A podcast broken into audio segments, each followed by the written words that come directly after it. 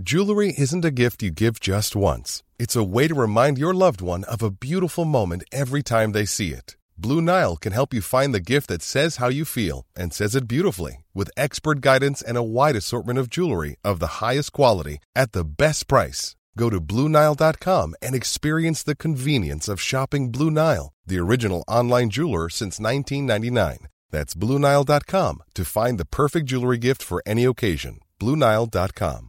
Quality sleep is essential. That's why the Sleep Number Smart Bed is designed for your ever evolving sleep needs. Need a bed that's firmer or softer on either side? Helps you sleep at a comfortable temperature? Sleep Number Smart Beds let you individualize your comfort so you sleep better together. JD Power ranks Sleep Number number 1 in customer satisfaction with mattresses purchased in-store. And now, save 50% on the Sleep Number limited edition Smart Bed for a limited time. For JD Power 2023 award information, visit jdpower.com/awards. Only at a Sleep Number store or sleepnumber.com.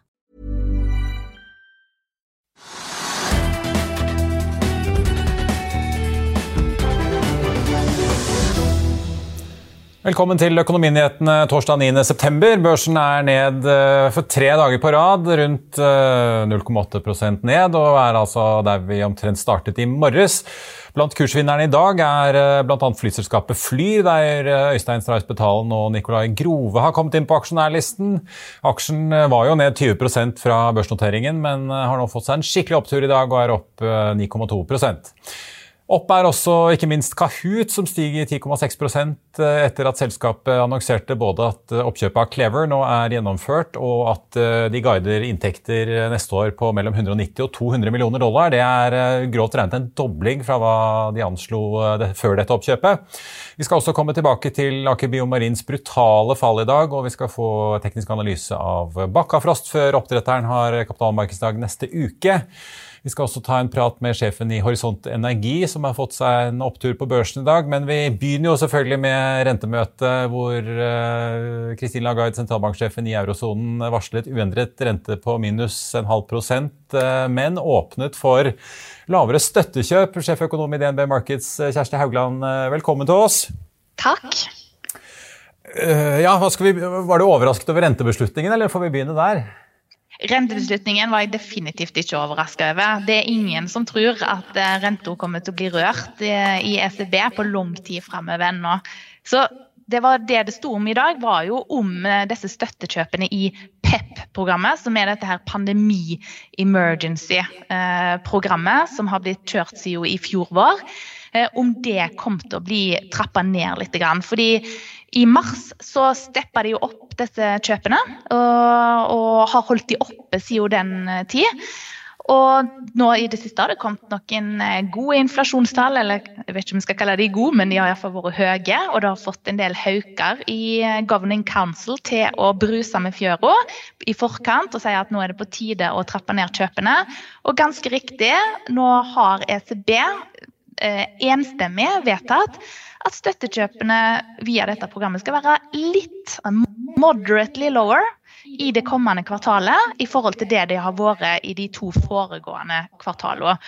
Og det betyr nok Nå sier ikke de noe spesifikt om milliardsummen her.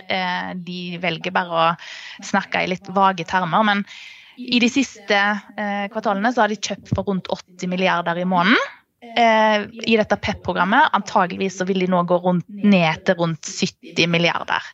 Ja, så det var Altså Dette kriseprogrammet som du snakker om, PEP, jo, de har jo et fra før som ligger på rundt 20 milliarder euro i måneden. Men dette kriseprogrammet fra i fjor har de jo klint til med 80. Kan vi nå tolke det som at de, de faktisk tror at økonomien trenger litt mindre støttehjul? Jeg ser jo at Kristin Lagarde peker jo på at det fortsatt er to millioner færre sysselsatte i eurosonen enn det det var før pandemien. Ja da, hun, hun, hun, går jo fram forsiktig her. Hun konstaterer at økonomien har utvikla seg sterkere enn forventa så langt i år. Det visste vi på forhånd. Vi har jo fått statistikken som har kommet inn. Viste at eh, både ECB og andre anslags, eh, prognosemakere eh, har tatt litt for lite inn når det gjelder veksten i andre kvartal. Så BNP-vekstprognosen for 2021 er definitivt løfta. Sånn sett så trenger jo økonomien mindre støttehjul enn det som en frykter. Og det er noe av grunnen til, altså nå sier Kristin Lagarde, at det, denne rekalibreringa, som hun kaller denne nedtrappingen av støttekjøpene. Hun vil ikke kalle det for tapering. This lady is not tapering, sier hun. Eh, men eh, dette her er fordi at eh, hun ikke frykter at de finansielle vilkårene altså det, de lånevilkårene som bedrifter og husholdninger står overfor dag til dag, at de vil forverres som følge av en sånn nedtrapping. Og Det er jo fordi økonomien går bedre, og da blir de finansielle vilkårene med en gang bedre enn det de ville vært uten en sånn eh, utvikling. Ingen utsikter til noen renteøkning med det første, ser vi altså. Og ja, det blir kanskje en nedtrapping eh, over nyåret.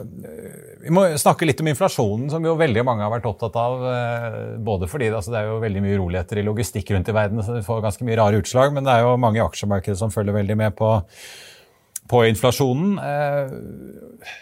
Hvordan vil du si, Nå har de jo lagt om. I USA har de jo gått fra å, å skulle ha et sånt mål på opptil 2% til at de vil ha et snitt på 2% sånn at de, de åpner for å ligge litt over og litt under 2% over tid. Det samme gjør jo den europeiske sentralbanken. Eh, jeg bare merket meg at de, de, åpner jo for at de kan ligge litt over, men eh, blir det noe inflasjon over 2 i eurosonen med det første, tror du? Nei, det er nettopp det. Det ser ikke så bra ut fra en sentralbankperspektiv da, for inflasjonsutsikten. Og det understreker jo òg ECB i dag, når de gir ut oppdaterte inflasjonsprognoser som ja, de har jekka opp inflasjonsprognosen sin for inneværende år, fordi inflasjonen har overraska på oppsida.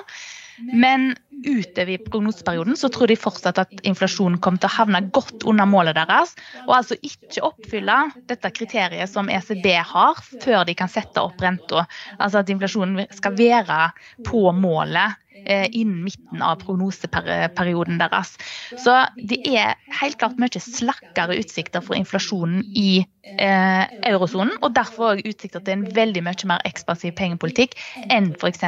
i USA. Ja, for, ligger, de, ja, for ligger de litt bakpå? Altså, ligger eurosonen litt eh, bak i leksa i forhold til USA her? Absolutt. Eh, det er nesten litt urettferdig å sette det opp på den måten. For vi kan kanskje heller si det sånn at USA ligger fryktelig mye i tet i forhold til resten. Pga. de ekstreme krisepakkene som har blitt levert eh, i løpet av fjoråret og i år. Og som òg kommer til å bli fortsette å bli levert i år og fremover i form av infrastrukturpakker. Så dette voldsomme finanspolitiske løftet i USA, det er ikke sånn som vi verken har sett i samme dimensjon i Europa og slett ikke i eurosonen, eller kommer til å se antageligvis i årene som kommer. Og Dermed så ligger det an til at eh, livet etter pandemien blir på en måte litt mer av det samme. Vi er ikke i noe bedre tilstand, bedriften og husholdninger, enn det som vi var før pandemien. og da var det moderat lønnsvekst, moderat eh, inflasjonspress. Eh, og det kommer antageligvis til å være tilfellet òg nå etterpå. Selvfølgelig så er det disse flaskehalsene nå som presser opp inflasjonen, og kanskje særlig på produsentpriser, og ikke så masse på konsumentpriser, iallfall ikke ennå. De tar jo ECB konkret stilling til. De mener at det kommer til å vedvare, men å avta i løpet av første halvår neste år. Så er det, så sier òg Lagarde, er selvfølgelig usikkert. Både hvor lenge dette vedvarer, flaskehalsene, og hvor stor innvirkning det vil få på inflasjonen. Men deres egne inflasjonsprognoser tilsier jo at uh, de ikke har noe tro på at uh, inflasjonen skal bli problematisk høy, snarere tvert imot. Og ingen sjekker fra Brussel i vente, slik som amerikanerne har kunnet glede seg over. Du, helt til slutt, eh, Kjersti. Vi må snakke litt om eh, liksom, veksttakten i Europa. Hvordan det egentlig står til med aktiviteten og, og BNP-veksten. Jeg ser jo nå at ECB oppjusterer prognosene sine til eh, en vekst på 5% i år og ja, 4,6% neste år. Det er jo tall som ligger godt over hva f.eks. SSB forventer i Norge, men det har kanskje litt med, med utgangspunktet å gjøre? Det er nettopp det. Faller du veldig hardt, ja, så er jo òg eh, potensialet til å hente inn igjen det tapte mye større. Og det er eurosonen et godt eksempel på. Så det er ikke noe rart at eurosonen sånn sett ligger, eh, ligger bedre an på vekstratene i år og neste år enn det f.eks. Norge gjør. Men ser vi på nivået på BNP, så ligger Norge foran eurosonen i løypa. Kjersti Haugland i DNB Markets, uh, sjeføkonom der. Tusen takk for at uh, du var med oss. Så får vi følge spent med. Og så er det jo ikke minst rentemøte i Norges Bank 23.9., men der kan vi vel, uh, trenger vi vel ikke å gjette en flaske vin engang på at det blir renteoppgang der? Nei, absolutt ikke. Det blir ei veldig billig flaske vin i så fall. Takk skal du ha. Vi snakkes. Ha det. Vi skal eh, videre og snakke om eh, ja, den store aksjen som raste i dag, nemlig Aker Biomarine. Selskapet kom med et resultatvarsel, og aksjen stupte ned fra en nedgang på 1,65 til eh, et fall på 17% på det verste. Rundt en tikroning fra 49 til 39,7 kroner. Til sammenligning så var jo aksjen opp på 115,85 da Aker Biomarin hentet over 2 milliarder kroner da de gikk på børs her i fjor. I varselet kan vi lese at eh, krillfiske har, eh, eh, har gitt under to tredeler av det målet som selskapet hadde for i år, og konsernsjef Mats Johansen kaller høstingssesongen skuffende. Dette resulterer jo både i økte enhetskostnader, et press på marginene for Aker Biomarin, og selskapet varsler også en nedskrivning, og at salget av Krill Aqua-produktet også blir mindre enn ventet i år. Tidligere har jo selskapet meldt om et svakt eh, salg av produktet Superba grunnet salgsfall, salgsfall, i Korea og USA, men eh, den veksten de så for seg i andre halvår i år, blir også mindre enn eh, ventet. Samlet sett så venter selskapet nå en lavere omsetning i år enn i fjor, og en justert driftsmargin på EBTA-en på mellom 15 og 17% Det er ned fra 27% i fjor. Det har vært en del uro i Aker Biomarin i det siste. IR-direktør Martin Stenshall og kommunikasjonsdirektør Katrine Berntsen har begge forlatt selskapet på få måneder. Den 19. august fikk selskapet et gebyr på en halv million kroner fra Oslo Børs for regelbrudd i håndteringen av innsideinformasjon og opplysningsplikten de har til børsen i forbindelse med Lysoveta-lanseringen i november i fjor.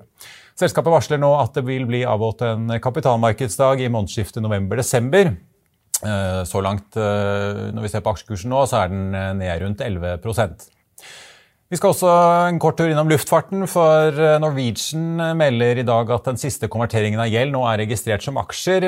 Det er da rundt 1 milliard 81 millioner kroner som har blitt konvertert til 125 millioner aksjer. Dette er jo aksjene til de kreditorene som ikke ønsket at aksjene deres skulle bli solgt i det såkalte strukturerte salget.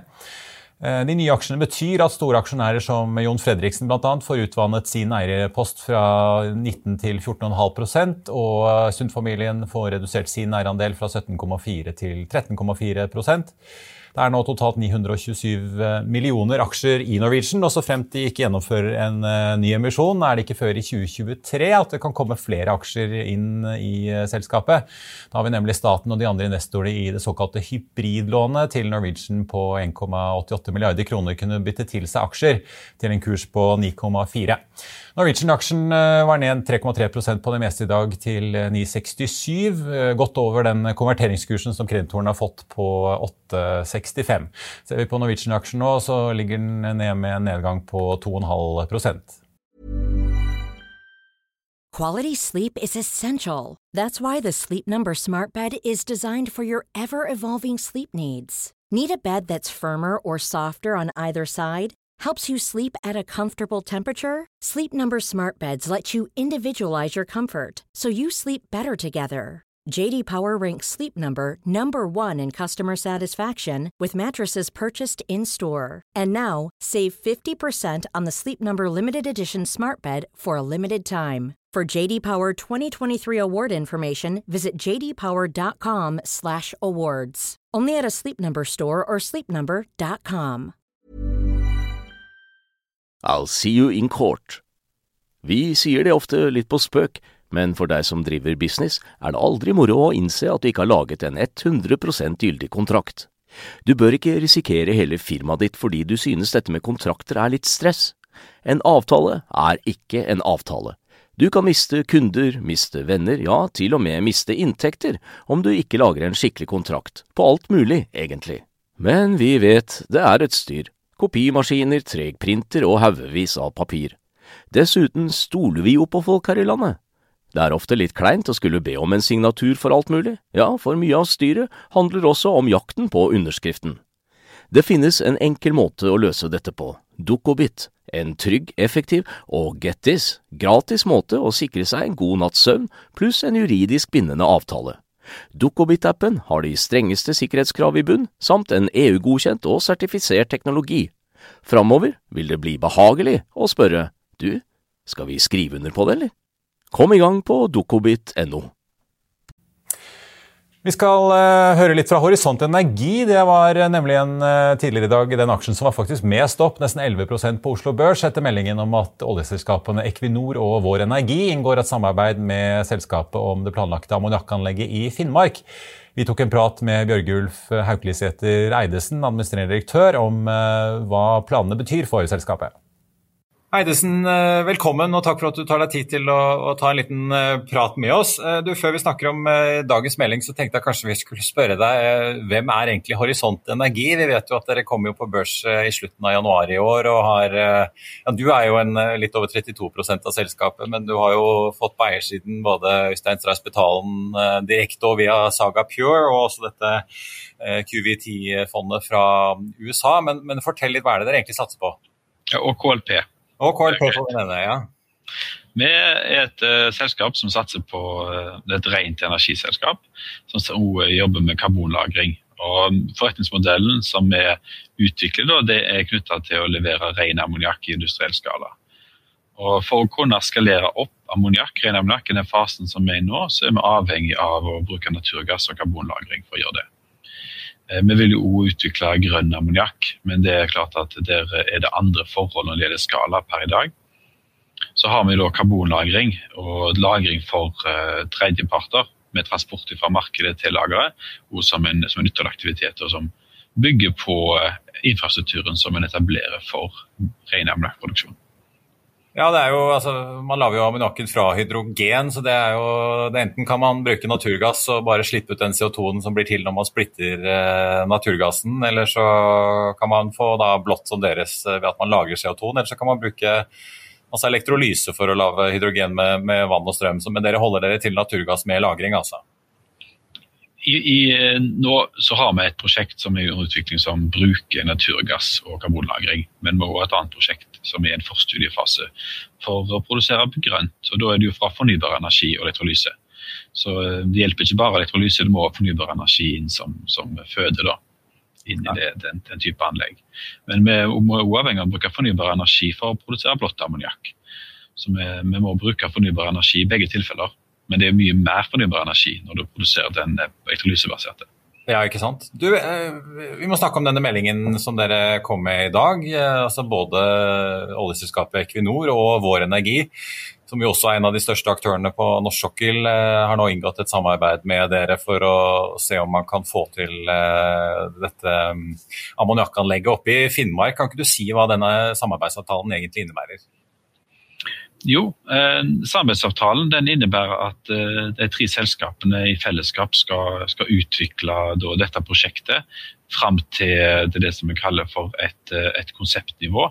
Altså Der en da skal modne fram løsning på Melkøya, en rørledning fram til anlegget og et, et komplett konsept for, for, hele totalanlegget i, på Markoppneset, som er den, den, den tomta vi jobber med, inkludert planprosess, altså for å, for å få detaljregulert dette området for ramlagt produksjon, Og få uh, opparbeida tomt og nødvendig infrastruktur, sånn som strøm og vann og alt annet som en trenger for å kunne drive som industriell aktivitet.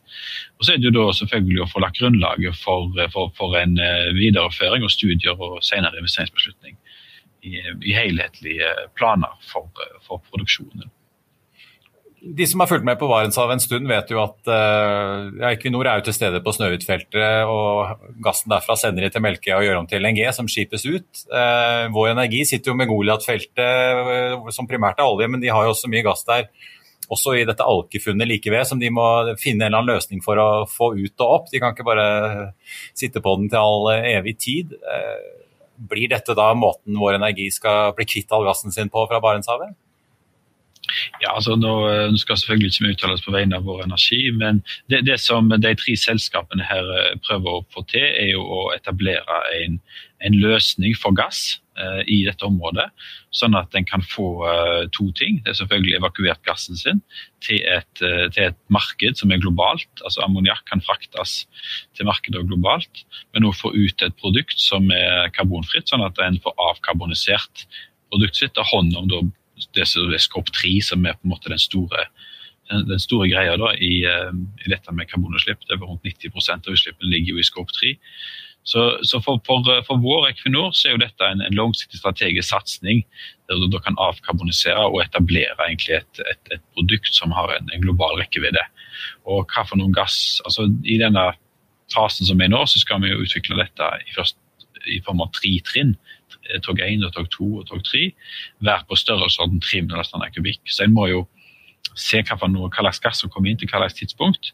Men det vil være naturlig selvfølgelig å, å søke å finne løsninger for den gassen som, som, som, som alle aktørene her har i sine porteføljer. Ja, for det er jo eh, De som har lest om Yara og Aker og Statkraft sine planer på Herøya, der er det jo snakk om en snaue 500 000 tonn ammoniakk som kan produseres uh, årlig. Dere snakker om en million tonn. Det er, det er jo et svært uh, prosjekt og anlegg som dere har på tegnebrettet her? Ja, altså, Dette ene ammoniakktoget, det første vi begynner med, vil jo bli et av verdens største ammoniakktog. Og det vil produsere ren ammoniakk, i motsetning til andre som ikke gjør det. da. Eh, I dag så er jo rundt 185 millioner tonn ammoniakk som blir produsert i verden, og, og, ingen av denne per i dag er ren, er verken grønn eller blå. Eh, det finnes kanskje noen veldig veldig små volumer i testproduksjonsstadiet, men når det gjelder industriell skala, så er det ikke noe. Så dette vil jo være eh, et av de største ammoniakktogene med 3000 tonn produsert daglig.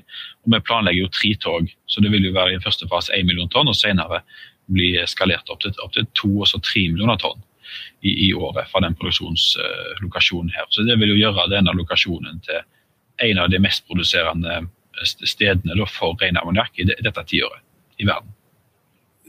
Tidligere så har jo eh, Jeg lurte liksom på hva dette egentlig skal koste og når det skal være klart. For tidligere har jeg jo sett at Gassco har jo ut, altså gjort utredninger på hvordan man skal løse gassproblematikken i Barentshavet. For det er jo ikke noe rørledning opp der. og da, Et av scenarioene de så for seg, var jo å utvide Melkøya f.eks. Det regnet de at kunne koste mellom 5,9 og, og 9,1 milliarder. Et helt nytt LNG-anlegg i tillegg til Melkøya kunne koste alt fra 6,4 til 8,8. For Melkøya per i dag jo, går jo på full maskin i hvert fall frem til 2040. Um, vet du hva dette prosjektet ditt kommer til å koste? da? Blir det billigere enn alternativene her, eller?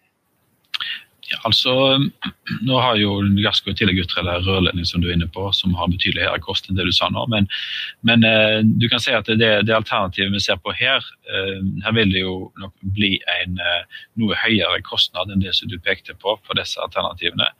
Eh, men det vil jo da til gjengjeld være et, eh, et produkt som er, som er, karbonfritt og som er stor etterspørsel etter. Så det er jo en, en litt som vi sier, trygge litt framtida til disse ressursene og verdiskapningen i de. Så jeg tror nok at uh, selskap for selskap vil vurdere det ulikt, hva som er mest fordelaktig. Om det vil være fordelaktig å sitte i LNG eller, eller gå over i et karbonfritt produkt. Men, men uh, det, det, er ikke stor kostnadsforskjell, det er det ikke. Til slutt så tenkte jeg vi må komme litt inn på uh, denne ammoniakken. Hva, hva, du egentlig skal bruke den til. fordi I sommer så, så lanserte jo dette prosjektet Aker og Statkraft og Yara det er sitt prosjekt på Herøya formelt. Eh, som selvfølgelig er en stor og, og, grønn investering, men de peker jo på at en av de store utfordringene er jo at uh, den, den, rene ammoniakken som ikke slipper ut masse CO2 underveis, den er jo fortsatt betydelig dyrere. Uh, mm. Har dere noen marked og noen kjøpere til all den ammoniakken som dere kanskje da skal begynne å produsere opp i Finnmark? Ja, så Det er jo klart det er to forhold jeg må tenke på. Den ene er jo hva pris jeg kan klare å levere dette til. Uh, og Hvis vi ser på EU, EU per i dag, sant, så har EU en betydelig produ egenproduksjon av ammoniakk. Og med de gassprisene som en har i EU og den økende eh, kvoteprisen på CO2, så er det jo ikke lenger et billig produkt en leverer i EU. Eh, kan du si, På de som leverer godt. Sånn at, at vi skal kunne konkurrere på pris med dem, det er jeg overbevist om. Når det er sagt, så er det jo sånn at det, det som en ser i EU nå, gjennom i hvert fall to lovendringer som er foreslått og som kommer. Det ene er jo at shipping går inn i EU ETS. eh, betaler betale kvotepris. Ja, kvotesystemet altså til EU, ja. Fra 2023 til 2026 skal det bli helt innført. og Etter planen det er jo ikke vedtatt, med dette planen som foreligger. Og I tillegg den karbontollmekanismen som en etablerer der på grensa til EU, som gjør at all ammoniakkproduksjon som kommer inn til EU, blir, får den samme karbontollen. De, de, de, de to bl.a. presser jo fram et skifte for shippingindustrien til, til rene fuels. Og klart at De vil jo helst ikke betale mer enn de må, men kommer du med sånn som vi ser her, et konkurransedyktig produkt, produsert sannsynligvis i den mest kostnadseffektive regionen i Europa, som Barentshavet er, for den type produksjon, så, så, har vi et produkt som konkurrerer med det som allerede er der. Og det, Vi har en stor etterspørsel. Vi er lokalisert i, eh, med en, en posisjon i Rotterdam i havna der. og Der snakker vi med alle de store bunkerselskapene og shippingselskapene. og det er, det er, etterspørsel etter dette produktet. og Det er veldig mange som er interessert i å gjøre det skiftet og sikre seg volumene. Ja, så det er, eh, ja, med, litt, med litt hjelp av EU-kvoter og regler, så er det skipsfarten dere ser for dere at skal være kundene her? Den, den veldig, veldig store kunden vil være shipping. Eh, som tar de, veldig, de store, største volumene. Altså Tre til fire store containerskip tar en million tonn ammoniakk. Eh, så du kan si at eh, der har du et, et, veldig stort potensial i det markedet. Åpenbart er det potensial i kjemisk industri og i gjødsel og etter hvert i kraft. Men det, vi ser det største markedet som shipping. Bjørgulf Hauklisæter Eidesen, takk skal du ha for at du var med oss. Og Horisont Energi-aksjen den har vært eh, helt oppe i 100 kroner på det meste på starten av året, og helt nede i 32. Eh, den har hentet seg noe inn fra de nivåene, riktignok. I dag er den opp, eh, som vi ser her nå like før børsen stenger, 9,15% til 42,3 kroner. Vi skal uh, se litt på kampen om luften, for lavprisgiganten EasyJet lanserte en uh, pakke i dag. Overskriften i børsmeldingen var at selskapet vil hente 1,2 milliarder pund i en garantert emisjon og ytterligere 400 millioner dollar i en kredittfasilitet. Vi snakker altså om nyfinansiering på inntil 17,9 milliarder kroner med dagens kurser. Men godt nede i børsmeldingen kommer det frem en annen nyhet, nemlig at selskapet mottok et bud på hele EasyJet, som ble vurdert og enstemmig avvist av styret. Budet var eh, inneholdt mange betingelser og skulle skje gjennom oppgjør i aksjer, men styret i EasyJet konkluderte med at det fundamentalt underpriser selskapet. EasyJet skriver at den ikke navngitte budgiveren nå har trukket seg.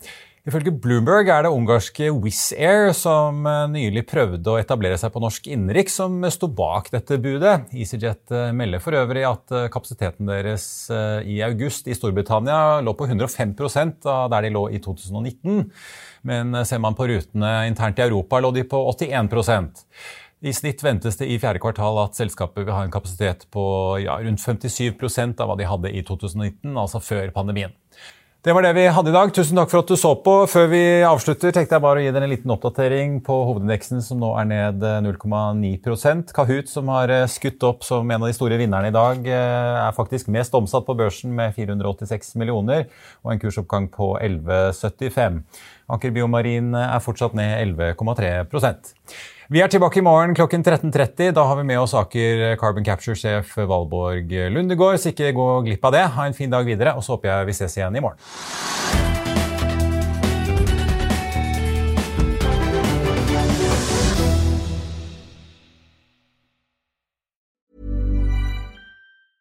Even when we're on a budget, we still deserve nice things. Quince is a place to scoop up stunning high-end goods for 50 to 80% less than similar brands. They have buttery soft cashmere sweaters starting at $50, luxurious Italian leather bags, and so much more. Plus, Quince only works with factories that use safe, ethical, and responsible manufacturing. Get the high-end goods you'll love without the high price tag with Quince. Go to quince.com/style for free shipping and 365-day returns. Økonominyhetene er en podkast fra Finansavisen. Programledere er Marius Lorentzen, Stein Ove Haugen og Benedikte Storm Bamvik. Produsenter er Lars Brenden Skram og Bashar Johar. Og ansvarlig redaktør er Trygve Hegnar.